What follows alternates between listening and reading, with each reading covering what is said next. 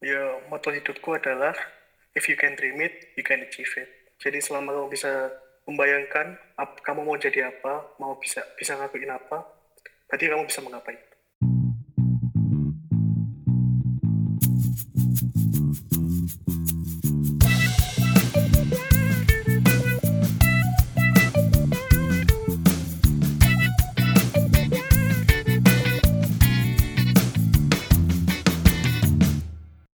Ada nggak cita-cita yang bener-bener pengen kamu inginin? Da- dari kecil aslinya aku ya pengen bisnis sih cuman bisnis apa pun tahu tapi yang paling tak pengen aku bisnis di ranah teknologi ambil media karena benar-benar suka teknologi aja waktu itu Hmm, menarik sih menarik. hmm. Ini gak banyak orang tahu atau iya, aku baru tahu pisan soalnya. Aku saja nih gak, tau muka buka masalah ini aja sini gak tau muka masalah mimpi Gak tahu buka apa ancen jarang ono sing takok. cara orang sih takut sisan sih Jadi misal eh, selain aku misal ono arek KP nanya tentang cita-citamu, mbok jawab. tak jawab sih ini cuman ya kalau sih takut aja Hmm. Bener sih, aku mulai aku ya mulai ngerasa sih koyo apa mana kan kita setahun mana kan udah lulus kan dan iya. mulai uh, apa ya istilahnya punya milestone punya mak keinginan sendiri sendiri lah ya. iya punya jalan sendiri-sendiri lah dalam menggapai tujuannya gitu. Jadi menurutku pembahasan mengenai cita-cita sih sajane harusnya udah bukan hal yang tabu lagi buat teman-teman seangkatan atau seumuran kita gitu. Jadi ya gak tabu sih. Cuman mungkin beberapa orang ada yang malu untuk menyampaikan mimpinya ya. Nah iya masuk akal sih Bil. Sama kayak mungkin nggak pernah tanya tentang keluargamu gimana walaupun sedekat apa pun itu. Keluargamu kerja apa gitu. Nah, kalau kalau masalah keluarga sih aku gak gak berani sih naik-naik gitu kalau nggak bener-bener deket banget sih. Mungkin setabu itu mungkin ya. Nah. Cita-cita itu. Bisa jadi sih. Cuman gimana ya Bil? Kadang-kadang nggak tahu sih. Eh, kalau orang bicara cita-cita ya mungkin Hmm. Dia ngejelasin cita-citanya segila mungkin idenya siapa pun ya. Kadang-kadang orang-orang cenderung men- mentertawakan gitu loh. Nah kadang-kadang kan eh, akhirnya orang itu jadi malu gitu buat ngungkapinnya lagi gitu-gitu. Bener ya iya sih sebenarnya cuman apa ya mungkin bed- orang beda-beda lah ya. Punya kapasitas malu yang berbeda terus cara menanggapi orang yang berbeda juga. Hmm. jadi kalau misal ada orang yang bilang kayak gitu ke aku ya tambah tak guyoni sih aku. Iya iya paham paham.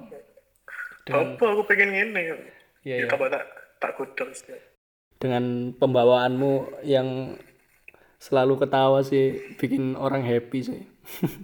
Iya. Ancen receh sih aku. Iya paham. Kan kamu tadi bilang pengen jadi pebisnis ya? Hmm. Terus eh, kenapa kok nggak kuliah di apa ekonomi kayak atau bisnis internasional atau bisnis atau yang terkait lah. Kenapa kok akhirnya kamu kuliah di HI ya ya mungkin apa ya mungkin takdir sih sebenarnya Ivan. Ah, soalnya aku SNM gak masuk 50 persen. Hmm. wes wes tinggal SPM karena aku butuh SPM aku pengen banget masuk UI waktu itu. Pilih ekonomi UI Hmm. nah nomor loro nomor loro kita kosongi kan aku gak ngerti nomor loro apa kan ada tiga pilihan lah SPM Ah, ah. siji ekonomi UI telu iki sih nak pengen sisa ekonomi uner EP uner Hmm, hmm, hmm. nah sing keloro iki HI aku ya gak ngerti Kenapa aku milih HI Oh jadi pilihan kedua justru malah beda sama pilihan satu dan tiga. ya? iya tak pikir seenggak segoblok-gobloknya aku seenggaknya masih masuk EP uner lah Hmm, paham, paham, paham, paham. ternyata masuk ke sini ya wis lah takdir balik Jadi kamu percaya itu eh, mungkin Tuhan memberikan takdirmu ya di situ gitu ya? Mm-mm. aslinya di HI pun ya aku belajar banyak sih Pak. Hmm, pernah nggak sih kayak kamu kepikiran, aduh kayaknya nggak cocok deh di HI, terus kayak kepikiran berpindah kembali ke cita-citamu awal tadi tuh, kuliah di tempat yang se- sejalan dengan itu. Aslinya awal-awal ya pengen sih apalagi semester satu. Hmm, menurutku. Soalnya apa ya lihat ngelihat kayak teman-temanku yang pinter-pinter. Oke minder banget sih kan waktu itu. Paham paham. Sama sih iya iya iya sih. Wajar sih Evan Van.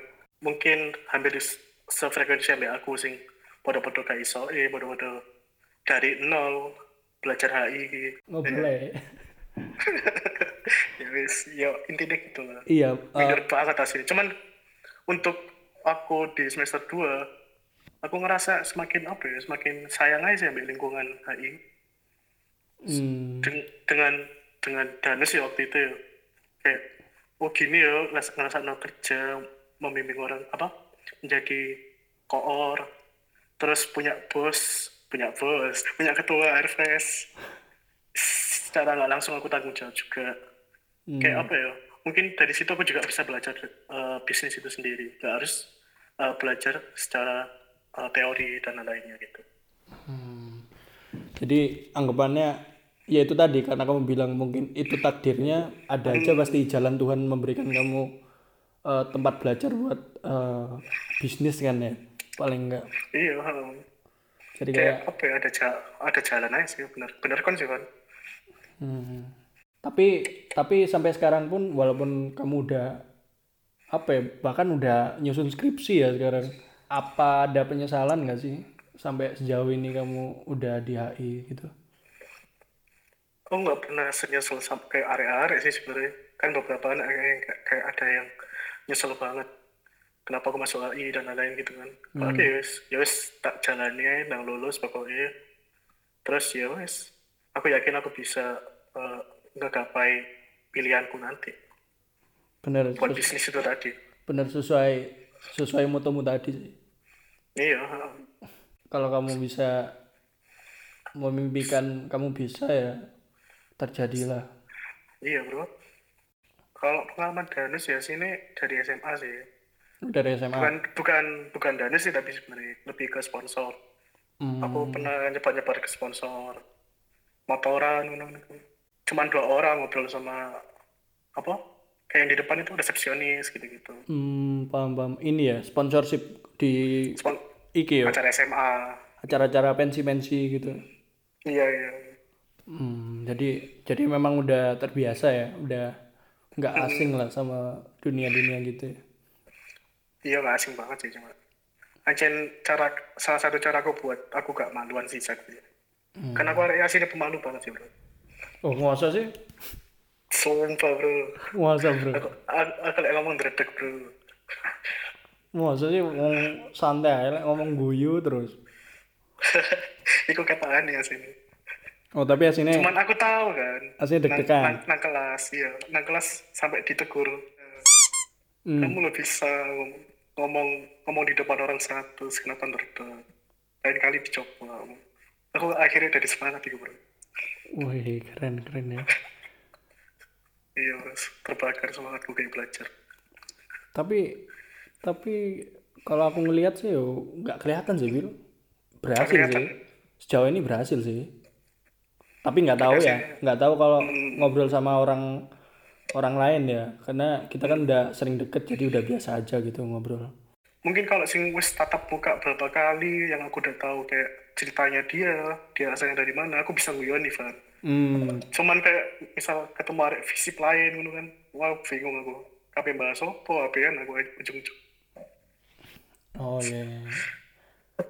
jadi istilahnya kalau kamu udah kenal orangnya udah sama-sama kenal lebih enak buat saling bercanda gitu ya iya. Introvert gitu wis ya.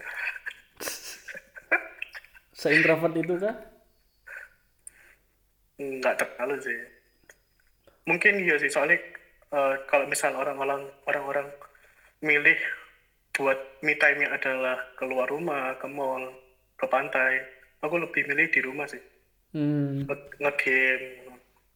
Me time yang benar-benar me time ya sama Iya. dia sendiri iya iya pertama kali itu kayak bukan Danus Airfest ya apa ya? Janus Vespa lah aku fan pertama. Sebelumnya ya? Hmm. jadi Danus Vespa paling paling pertama kali ya yang sama cutting itu ya? Iya. Masih sama angkatan sama angkatan 15 loh sama angkatan 15 ya, ya. Ancen di situ Ancen aku budak banget sih bro. Bener-bener nyari temen aku gitu bro. Hmm. So sok-sokan kenal. Ayo beli dong ayo beli dong padahal sini ya. Wis simple sih itu awal-awal awal-awal masih anggota itu ya? masih anggota Hmm. Oh, kamu itu pekerja keras sih, kayak cari cari uang bener-bener tanggung jawab gitu. Makanya Mm-mm. ya wis lah akhirnya diskusi sama wakil Mm-mm. pilih aja. Suka dukanya gimana bro waktu itu? Sharing ya Eh, Embo ya aku ngerasa grupi Shopee gak sih kan waktu awal-awal gitu kan awal-awal oke. Loh, eh awal-awal apa awal-awal ambiar gak sih? Sean? iya ambil ya Bukannya ambiar ya? Embo ya pakai saya link ada di waktu pernah di waktu Danes iku bener-bener kayak kalau sing chat kalau masukan masukan aku bingung masuk aku mikir dewe iki akhirnya aku ngechat kon iku gak salah Hmm, paham paham. Terus akhirnya kita se- sempat ngadain rapat deh. Iya kadain rapat iku Paham paham.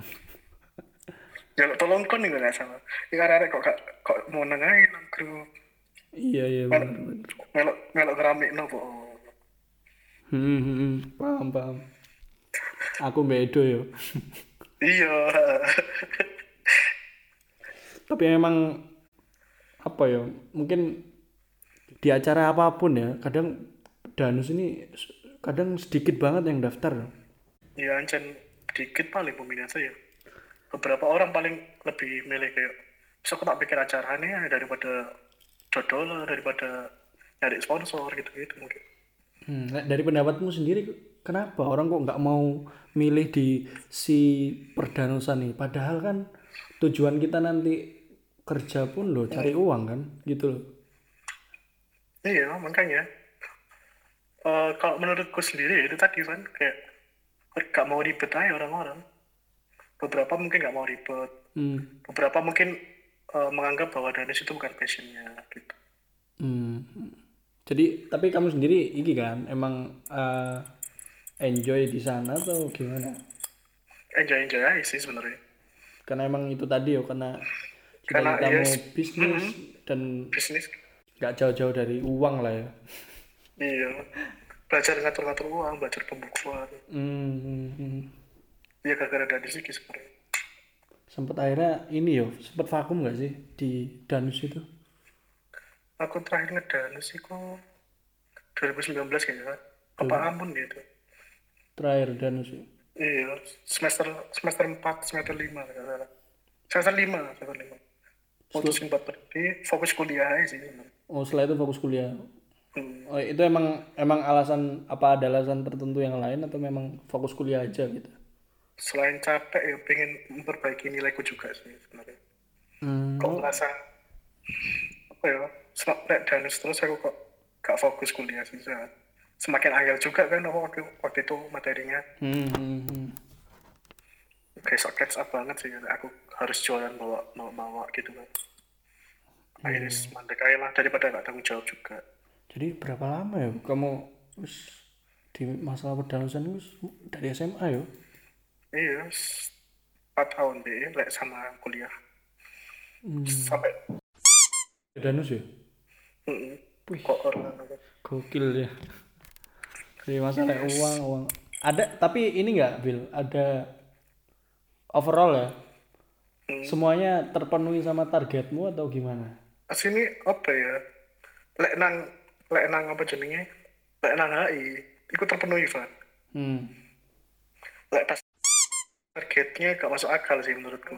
Dia nargetin 15 juta tapi pada waktu itu eh dia sendiri juga nolak-nolak sponsor yang masuk. Padahal ada sponsor yang masuk dan itu gampang loh sebenarnya kayak mek ngejual iki mek ngejual eh, minuman nggak salah waktu itu. Hmm. padahal itu dapatnya 5 juta apa ya kalau dihitung itu Oh, jadi akhirnya nggak memenuhi target ya? dapat 10 sih tetap Hmm, tetap kurang kan tapi. Nah itu tapi dia kurang dari target awalnya mereka Ah, tapi gimana? Tetap dapat apa dapat kritikan dari ketuanya atau nggak gimana? ada sih nggak ada sih sebenarnya soalnya apa ya di akhir akhirku ada yang namanya sing kayak HI Martin apa sih ada tenan ada tenan Tenan. Oh iya sorry. Ada ada tenan. Iku sampai 2 juta sih. Jadi 12 berarti terakhir Kak. sangat membantu berarti ya Sangat membantu. Yus dengan iku yus percaya percaya uang uang 2 juta iku cash sak no. buat teman-teman yang denger nih saran dari mobil kalau misal orang apa ya mahasiswa atau siapa pun yang ada di organisasi atau di acara mana pun biar tertarik buat daftar danus itu kamu jelasin keuntungannya apa sih Keuntungannya mungkin apa ya? Nggak kerasa saat ini sih menurutku. Keuntungan itu bakal kamu rasain ketika kamu udah gede, udah mikir bahwa eh, uang kerjaku yang aku kerja dari punya bos dari perusahaan atau dari BUMN atau dari pemerintah atau dari mana pun itu nggak cukup dan akhirnya kamu harus melakukan bisnis. Nah, dan itu kayak mengajarkan secara tidak langsung bagaimana cara berbisnis, cara eh, mengengage orang, cara mengetahui pasarmu siapa gitu gitu. paling enggak apa ya ya itu tadi se- bener yang kamu bilang tahu mengenai pembukuan uang gitu-gitu ya Iya, secara nggak langsung banget sih itu efeknya. iya ya paham, Pasti pastilah nggak ada yang nggak ada hal yang kamu pelajari itu nggak berguna walaupun itu IPA dan aku sekarang IPS gitu. Pasti suatu saat berguna. Hmm. Menurutku sih gitu. Aduh, berarti berarti ini ya banyak berarti duitnya. Aman aman bro. Aman. Aman. Apalagi, apalagi lagi diet bro santai bro. Duit aman bro. Lo sempet diet dah iya bro 10 tahun 10 kilo bro nanti bro. Aduh. akhir tahun ini. Anda lupa kita sebelum sebelum telepon ini makan bareng gitu kok dibuka?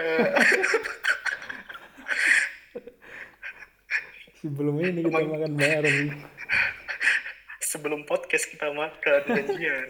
Janjian jam 11 makan dulu ya udahlah nggak apa-apa ya. Santai bro. Santai. Ah di di suatu waktu itu kayak ngeliat-ngeliat foto-foto gitu pas lagi gabut. Hmm, foto-foto di album ya? Iya foto-foto di album terus lihat-lihat di HP ku. Terus aku juga ada di Google Drive kan banyak foto-foto lama. Terus kayak ngeliat banyak foto-foto bareng sama angkatan gitu. Tak pikir-pikir wajahmu ya beda loh Bil. Dulu itu sama lemu ya lemune sih kayaknya sih panca pancet sih kayaknya jadi lek kon ngomong beda apa ya? lek ngomong diet pesimis ya aku. Lek ngomong diet pesimis ya aku. Aku akan menyapainya bro. Siap bro. Aku ya pengen ngono bro. Aku masalah SMA guru bro tapi aduh oh iya kan ganteng banget kan so iya men kan. iya men guru banget bro dan pengen sih fotomu pas awal mau buah iya loh pas senang wapu cool Nah. banget sih bener beda ya beda sih gak sih aku malah melihat kon makin dewasa itu gara-gara brewokmu sih makin tumbuh sih aku ya anjir seneng aja sih cuman Iku Ada- ada obat ah? tak cukup. Nggak obat ah? enggak ya jen Wancen. embu ya tapi gak gen sih sebenarnya soalnya kalau gen ini kakekku atau bapakku sing bulu ini lebat mek aku tuh iso mana Hmm. bu aku anak sopo Ngawur ya. ya kalah. kuyan kuyan kuyan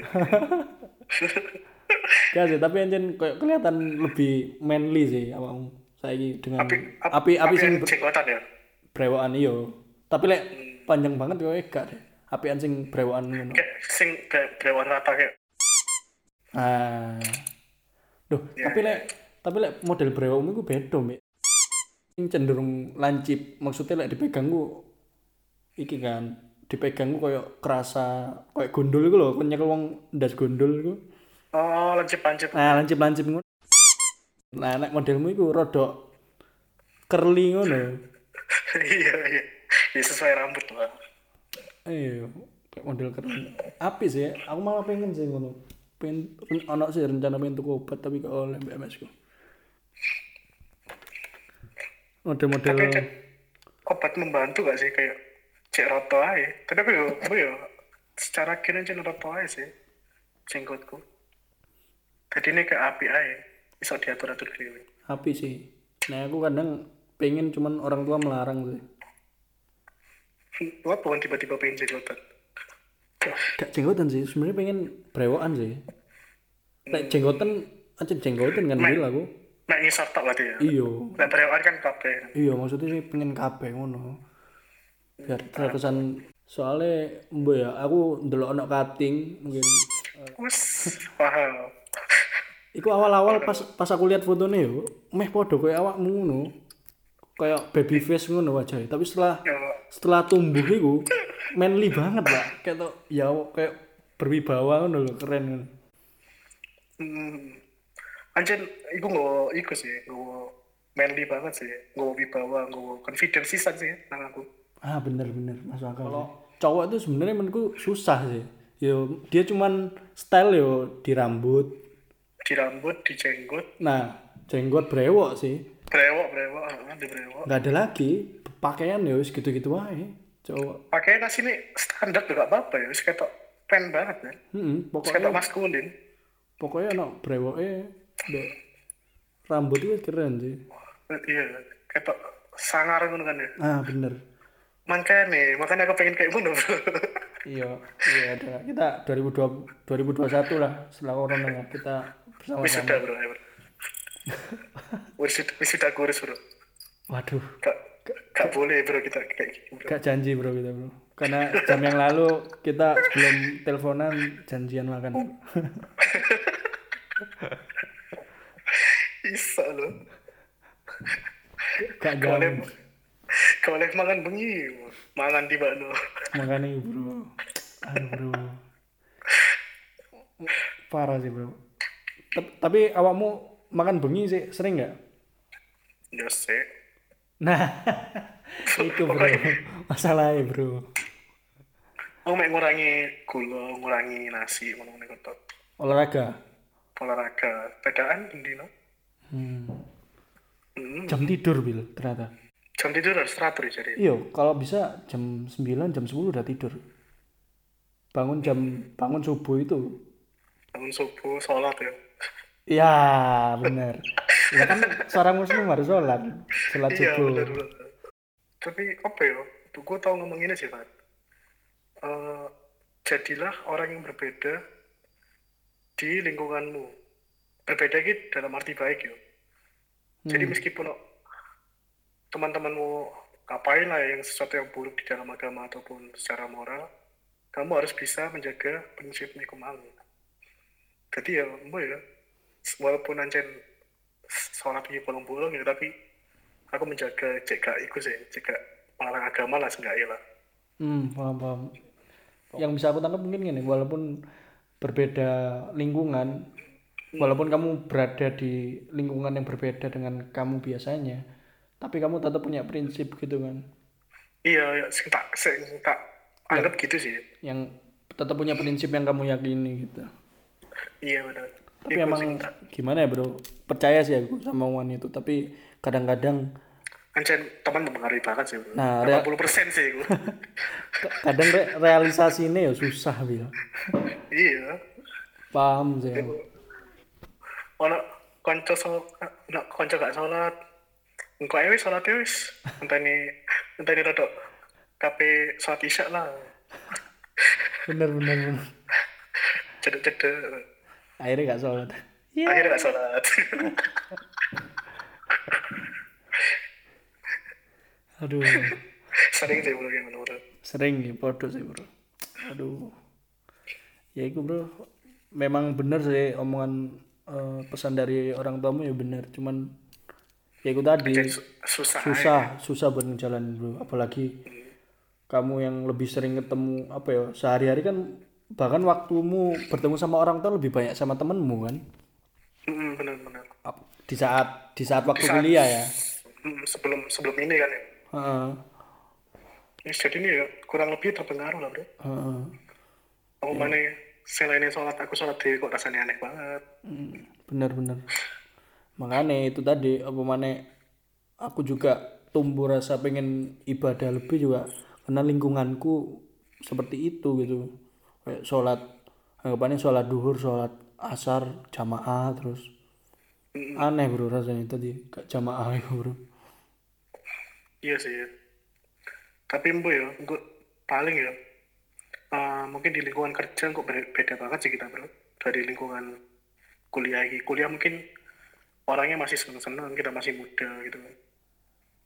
Sedangkan waktu kita kerja mungkin orangnya udah tua-tua, udah ya wis lah, udah waktunya mendekat lah bro. Kita jadi ikutan. hmm, gitu ya bro loh nah aku malah sing tak, tak lihat gitu sih bro. nah aku malah mikir lebih luas lagi bro ya apa yang maksudnya? lebih luas lagi jadi maksudnya setelah kamu kuliah nih menurutku kuliah aja kamu bertemu dengan banyak orang yang memiliki karakteristik yang berbeda gitu loh sifat yang berbeda juga Hmm, dan menurutku kalau di dunia kerja malah lebih dari itu sih lebih variasi lagi orang-orang hmm, makanya jadi intinya bener tadi kata orang tuamu tetap kamu punya prinsip selama ada aja lah jalan maksudnya kalau kamu udah temenan juga kalau udah sefrekuensi dan pas juga pasti termotivasi juga dengan sendirinya Sholat. Iya bro. Soalnya kita anjen sefrekuensi untuk tidak sholat ya bro. Menarik. sholat tapi di sholat tapi telat. telat telat. Iya, sholat kan tetap sholat. sholat lah tetap enggak sebagai seorang muslim kita sholat lah. Itu kewajiban. nah benar bro. Kewajiban. Mbak Siapa yang ganti topik ya ganti topik bro. Nah bahas-bahas danus tadi kan kamu bilang berarti berarti keuangan lancar ya? Hmm, seorang Billy Secara pribadi apa gimana? Keuangan Billy secara pribadi lancar berarti karena udah banyak belajar mengenai perdanusan Lancar-lancar aja sih bro, alhamdulillah. hmm. ini nggak bro mulai main-main ini nggak eh, investasi nggak bro Investasi sih sekarang, cuman ya baru sebenarnya baru investasi secara saham baru Januari. Hmm, oh, in- kalau boleh tahu investasi apa ya bro? Emas sama reksadana. Wah menarik sih bro, menarik menarik bahas investasi. Kalau investasi sendiri mungkin kayaknya masih banyak orang awam sih sama investasi ini, iya nggak sih? Sebagian mungkin menganggap apa sih investasi nanti aja waktu tua-tua gitu kan. Udah umur 30. Hmm, gitu ya. Ta- Tapi memang masih eh, pembahasan kayak gini masih minim banget nggak sih? Kalau di lingkungan kuliah kayaknya hampir sedikit banget gak sih bro? Hampir Menurutmu, sedikit bro? ya. Kayak mungkin satu satu dua orang dan bisa disebutin namanya gitu bro. Hmm, benar. Yang investasi siapa? Hmm. Nah, kalau dari kamu sendiri, Bro, sebenarnya apa sih investasi itu apa sih? Mungkin biar teman-teman juga tahu gitu. Aku nggak tahu definisi pasti ya, tapi menurutku investasi itu ketika kamu merelakan asetmu yang sekarang kamu miliki sekarang, Hmm. sebagian, sebagian, sebagian asetmu yang kamu miliki sekarang kepada eh, aset yang bisa berkembang. Aset yang bisa berkembang itu contohnya ya tadi kayak saham, emas, perak, terus tanah, itu bisa berkembang semua. Hmm. Sama nggak eh, definisinya sama nabung sih sebenarnya? Kalau nabung itu nggak berkembang bro. Hmm. Jadi nilai nilainya misalnya eh, uangmu 100 juta ya, sampai lima tahun ke depan ya uangmu 100 juta. Hmm. Oh, jadi ini ini yang membedakan antara nabung sama investasi. Investasi, ha, ha. Jadi dari jadi kalau nabung uang misal kamu nabung uang 10.000 sampai berapa tahun ya tetap 10.000 gitu kan. Iya bro, Tapi kalau investasi bisa lebih dari itu. bisa lebih dari itu. Wah, itu Bisa kok- kurang, itu tergantung. Lah, kalau bisa naik turun uangnya itu gimana, Bro?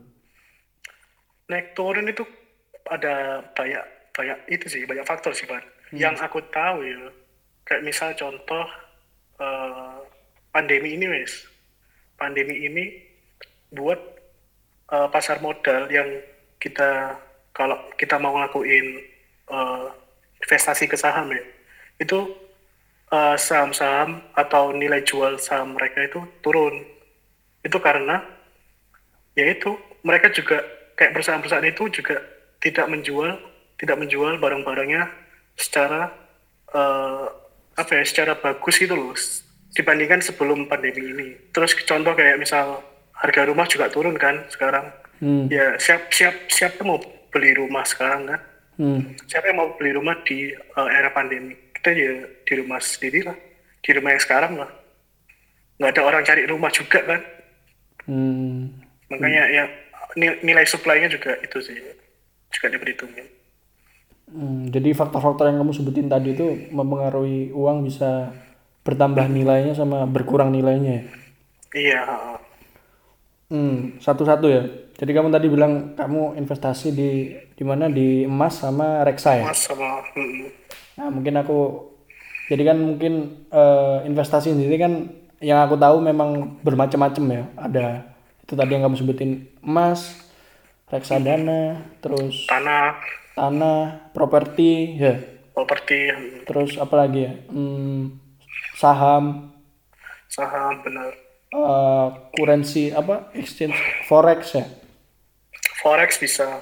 Forex. Itu saham yang internasional tuh. Ah. pokoknya investasi lah ya. Kalau yang investasi reksadana udah sejak kapan, Bil? Eh, kalau investasi reksadana itu dari Januari. Sebelum pandemi dulu Hmm, sebelum nilai masih pandemi. aman, nilai masih naik kan. Hmm. Kenapa kok? Pandemi kena- kenapa kok pada akhirnya kamu milih reksadana sebagai tempat investasimu? Sebenarnya apa sih reksadana itu dan kenapa kok kamu milih itu? Jadi definisi ya berarti ya. Iya. Definisi reksadana saham itu adalah kamu menaruh uang kepada manajer investasi.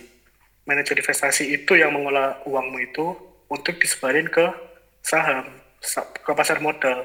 Jadi secara langsung kita cuman kayak ngasih uang aja, terus dia yang apa dia yang ngatur uangnya. Mungkin Oh. konsepnya konsepnya sama kayak money laundry nggak sih? Kalau dipikir-pikir secara Nggak paham aku. Money laundry gimana itu? tapi money laundry itu kan kayak apa ya Eh money laundry emang jahat sih tapi kayak misal kamu dapat uang eh 5 miliar secara korupsi mungkin ya Hmm. terus terus kamu beliin eh, rumah sakit eh bukan jangan, jangan rumah sakit beliin tempat makan restoran gitu Hmm.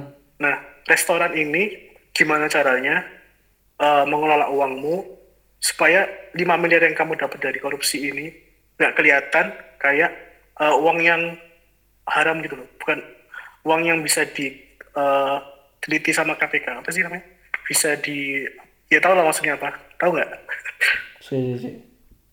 Jadi misal ber- berarti apa? eh, money laundry ini negatif berarti? Money laundry itu negatif soalnya uangnya kotor banget bro dia dari uang kayak korupsi korupsi yang duitnya triliunan triliunan mungkin miliaran atau dari uang penjualan narkoba biasanya ya itu kan uangnya banyak sekali dan itu dalam bentuk cash Hmm. hmm. kamu belikan sesuatu kayak restoran atau mungkin kalau aku lihat di film ya eh, itu judulnya Breaking Bad dia dia beli eh, tempat laundry Hmm. jadi tempat laundry ini mengelola uangnya seakan-akan eh, tempat laundry ini mempunyai profit senilai 5 m itu tadi Hmm. hmm. jadi seakan-akan uangmu 5 m itu secara bersih tapi secara logika loh bro dari mana uang laundry itu 5 m gitu. Oh iya. iya. Loh, tapi kan nggak mungkin reksadana itu cuman maksudnya kan reksadana Iya. itu hampir mirip kayak money laundry, money laundry tapi bukan itu kan? tapi beda. Kenapa reksadana itu sebenarnya eh, bagus ya karena diawasi oleh OJK sih menurutku. Oh gitu. Otoritas jasa keuangan ya. Mm-mm. Hmm. Jadi uangmu benar-benar halal aja. Misal nih, anggap anggaplah ada seorang mahasiswa atau ada seseorang nih pengen nabung di reksadana. Langkah pertama yang dia lakuin apa? Langkah pertama Hmm. mungkin eh, cari tahu dulu sih sebenarnya reksadana itu kayak apa. Hmm. Cari-cari info dulu ya tentang Cari info dulu ya kayak reksadana itu apa. reksadana itu apa definisinya, terus cara mainnya kayak gimana, terus kayak eh, reksadana yang bagus itu kayak apa, reksadana yang buruk kayak apa. gitu. Hmm. Terus yang kedua gimana? Yang kedua adalah ketika eh, ketika saat krisis sih menurutku, kamu harus belajar kayak bisa eh, cara-cara menjual reksadana itu gimana karena apa ya reksadana itu sebenarnya nggak ribet sih cuman ya cuman naruh uang itu tadi Kalau kamu sendiri eh, nganggap reksadana ini buat jangka pendek atau jangka panjang? lebih ke 10 tahun ke atas sih bro kalau saham ya reksadana saham ya Oh, 10 tahun ke atas. ya. Mm-mm. Itu baru benar-benar profitnya kerasa ke kamu Berapa kamu- berapapun nilainya atau gimana? pasti untung sih kata orang-orang ya kalau aku ngeliat riset-riset yang aku cari ya Hmm. kalau 10 tahun ke atas itu pasti pasti untung Jadi dan reksadana itu kan harus kayak Eh. nabung per bulan gitu kan nabung per bulan ya. Paham, paham. nabung dari reksadana sendiri itu ada banyak sih sebenarnya Nah, ada yang ada yang bisa bisa ke banknya langsung ada yang lewat aplikasi tapi yang paling eh, paling apa ya yang lagi ngetren sih yang lewat aplikasi. Oh, lewat karena- aplikasi ya? Mm-mm, soalnya daftarnya gampang bisa lewat GoPay bisa le- bisa transfer bank dan nggak perlu jalan-jalan ke bank lagi gitu kan. Hmm, hmm, kan eh, reksadana saham itu ada tiga ya? Hmm, ada tiga ada pasar uang obligasi sama reksadana saham itu. Nah eh, si mahasiswa ini harus tahu sih tiga itu apa hmm. harus tahu itu apa dulu baru Oh, eh, jadi dia tahu nentuin tahu kemana- instrumennya ya? tahu instrumennya tahu tujuannya dia mau ngambil uang itu kapan gitu gitu Hmm. soalnya pasar uang itu eh, sering kali didefinisikan sebagai dia selalu menguntungkan tapi eh, pada jarak yang pendek satu tahun dua tahun Hmm, jadi, diambilnya uangnya jadi setiap Terus in- setiap instrumen tuh punya ini ya eh, kelebihan kekurangan masing-masing ya. benar Hmm. Mungkin ini sih ada yang kelupaan sih kamu bilang Eh, harus mengetahui profil resiko. sih. oh iya profil resiko ya Iya. Kayaknya jadi Ja- eh, ya itu sih tapi benar itu langkah pertama kayak dia harus tahu info-info mengenai reksadana dan yang dan yang paling eh, setelah itu yang paling fundamental ya harus tahu dulu tujuan dia nabung buat apa gitu. mm, ya benar jadi tujuan nabungnya itu untuk berapa tahun lagi? Untuk dana pensiun kah? Untuk lima tahun lagi buat anaknya kah? Atau apa kah? Hmm, hmm, benar benar. gitu. Nah benar setelah itu tahu profil resikonya apa. tahu resikonya apa? Mm, berapa kalau resiko turunnya berapa persen itu harus tahu juga Hmm, hmm, hmm. Terus kalau kalau pendaftaran sendiri butuh biaya nggak atau dipungut biaya atau gimana? kalau dari aplikasi ya kan aku pengalamannya aplikasi ya Hmm. itu nggak dipungut biaya sih kalau buat pendaftaran doang Hmm. jadi ya ke murni gratis, terus nanti mm-mm. kalau nggak mau nab- nabungnya masih nanti nanti aja membuat ak- akunnya dulu juga aman-aman aja Keuntungannya itu kira-kira bisa sampai berapa persen? Apa tergantung dia nabung berapa gitu? apa ya kalau kalau tak lihat-lihat ya keuntungannya kebanyakan orang-orang itu sekitar 10% sampai 20% sih. 10 persen sampai 20 persen wah lumayan deh. tapi lumayan cuman jangka waktunya itu tadi yang lama Hmm. Kalau waktunya bisa 10 tahun hmm, kalau kalau kamu sendiri ada strateginya nggak Bil? Kalau nabung di reksadana itu gimana? Hmm. Kayak misal kamu ngelakuin itu nabung per bulan atau per hari atau gimana? kalau strategi ya nabung per bulan sih soalnya mungkin dari juga itu sih dari apa kayak eh, aku ngeliat video-video di YouTube ya Hmm. kalau nabung per bulan walaupun harganya sedang naik walaupun- ataupun harga reksadananya reksadananya lagi turun. Itu nabung aja. Yang penting kayak konsisten aja sih kata mereka ya. Hmm. itu ada namanya dollar cost average theory. Apalah itu namanya. Eh, gimana itu teorinya? jadi jadi kamu ya udah konsisten aja. Intinya kamu konsisten aja nabung terus. Jadi walaupun nilai dari reksadana sedang turun ataupun naik kamu tetap beli. Nanti eh, di akhirnya ketika udah sampai ke tujuan akhir misalnya 10 tahun nabung itu ya ketemu di tengah-tengah gitu katanya ketemu di tengah-tengah itu kamu nggak untung nggak rugi gitu Ke- Oh. secara secara secara modalmu bukan Ah, ah. belum belum ngomongin untung tuh Jadi eh, kalau di saat kayak pandemi kayak gini gimana bro reksadana untuk yang nabung untuk yang nabung sebelum pandemi pasti hancur sih bro akunnya bro. Ya nggak sih bro? Ah, turun ya. Iya iya. Pasti pasti turun sih bro. Ah, ah. cuman kalau aku dengerin podcastnya Radit ya yang tentang manajer investasi manajer investasi gitu kalau dia nabung secara ya itu tadi yang secara 10 tahun ke atas itu pasti untung sih mas Yan. Hmm. pasti masih untung coba umpamain lah biar orang-orang lebih tertarik lagi ke reksadana nih. Misal sebulan berapa? Misal eh bag- buat mahasiswa nggak berapa ya? Seratus ribu lah misal ya. 100 ribu ya? Seratus ribu misal. Per bulan ya? Per bulan ya. Berarti kalau kalau secara gak untung gitu ya sekarang kalau nabung biasa selama setahun itu berarti dapat 3,6 ya eh enggak sih. Eh selama tiga tahun lah nih oh iya sorry sorry. 1,2 ya? Nah misalnya satu juta eh sorry sorry. Per bulan seratus ribu. Kalau satu ribu. Dia mau nabung selama tiga tahun misal. Berarti kan kalau nabung biasa dapatnya 3,6 juta. Mm-mm. nah kalau di reksadana bisa lebih dari itu berarti. 10% dari 3,6 bisa banget sih bro. Bisa ya? Bisa banget aku pengalamanku sebelum pandemi ya hmm. Itu secara satu bulan aja kamu bisa dapat 50 ribu. Keuntungannya? Ya? keuntungannya. Eh, itu nggak aku tarik. boleh boleh tahu nggak? kalau kalau kalau kamu sendiri boleh tahu nggak eh, per bulan atau nggak tentu atau gimana? Karena kan nggak tentu sih bro. bebas kan? Iya bebas. Hmm. tergantung yang ada di dompet aja. Oh gitu.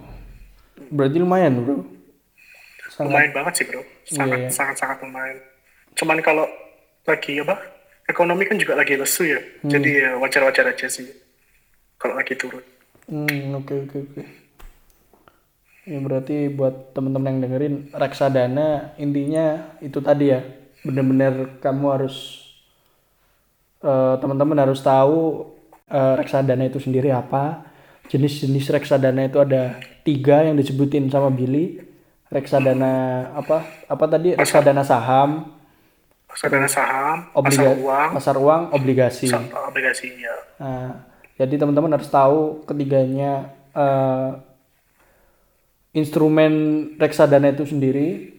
Lalu benar-benar sebelum teman-teman milih eh, reksadananya, pastikan teman-teman juga tahu tujuan dan berapa jangka waktunya dan profil resikonya juga dari iya teman-teman. resiko Ya.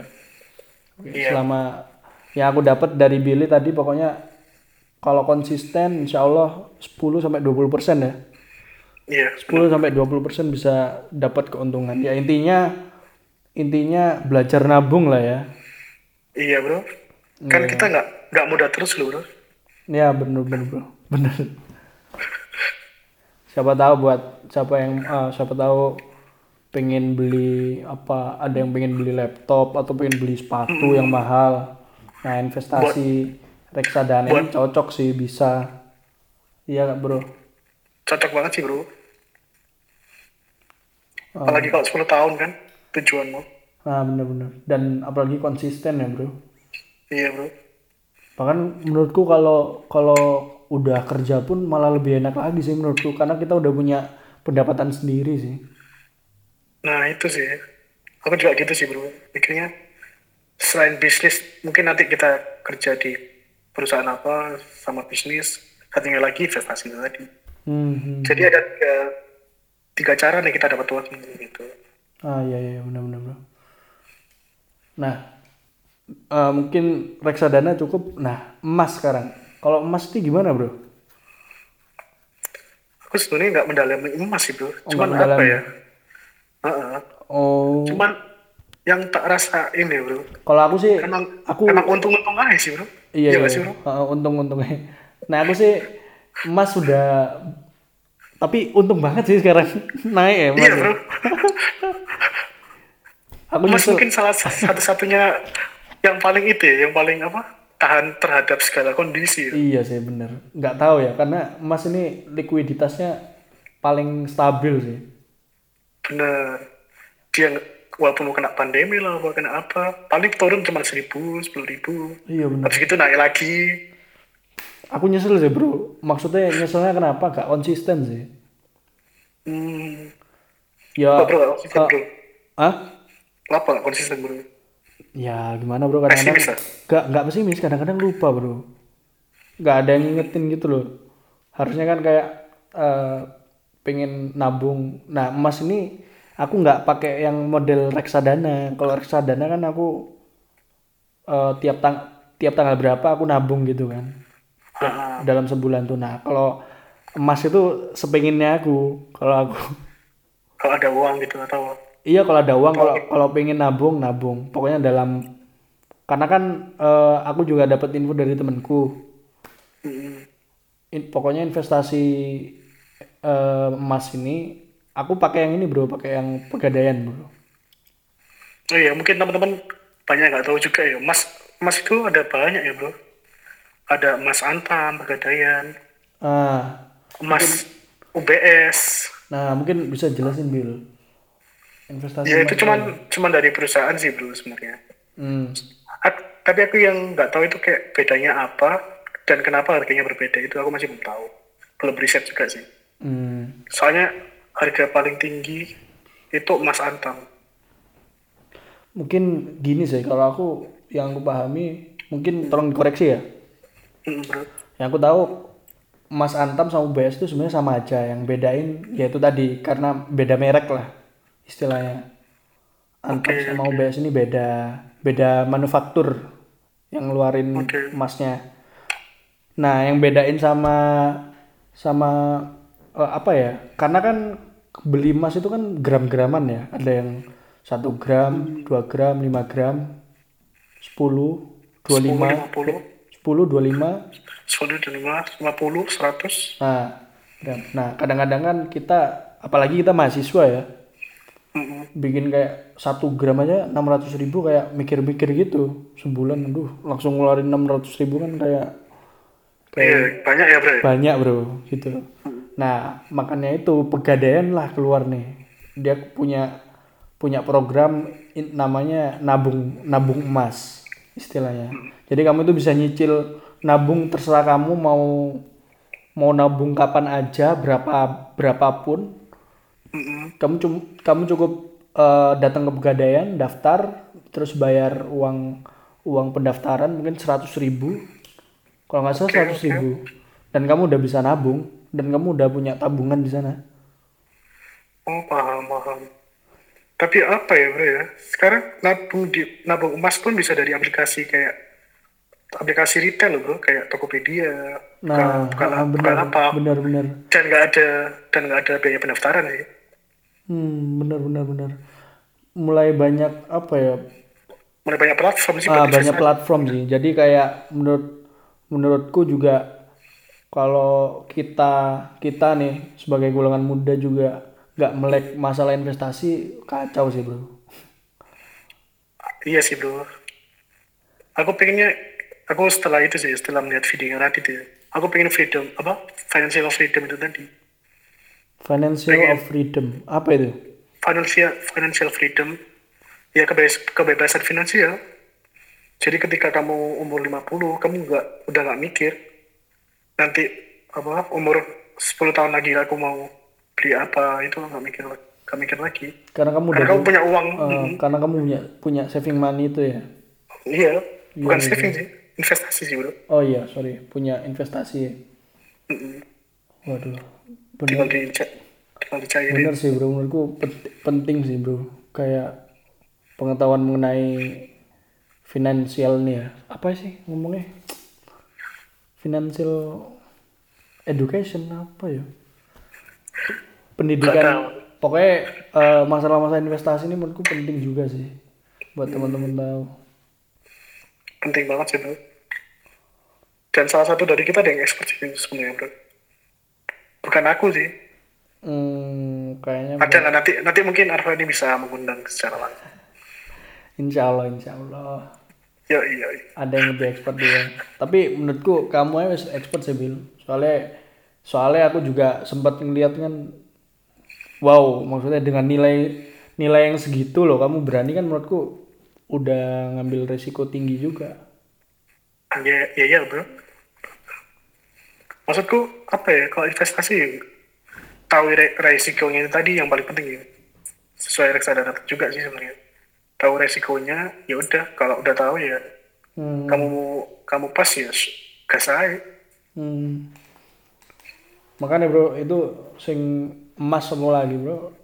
Kayak nyesel karena baru baru dikit banget kan aku nabung dan dan sekarang pun kalau aku jual udah untung gitu. Sangat untung banget. aduh padahal tapi sebelum pandemi loh bro emas itu naiknya dikit banget bro Ah iya bener bener.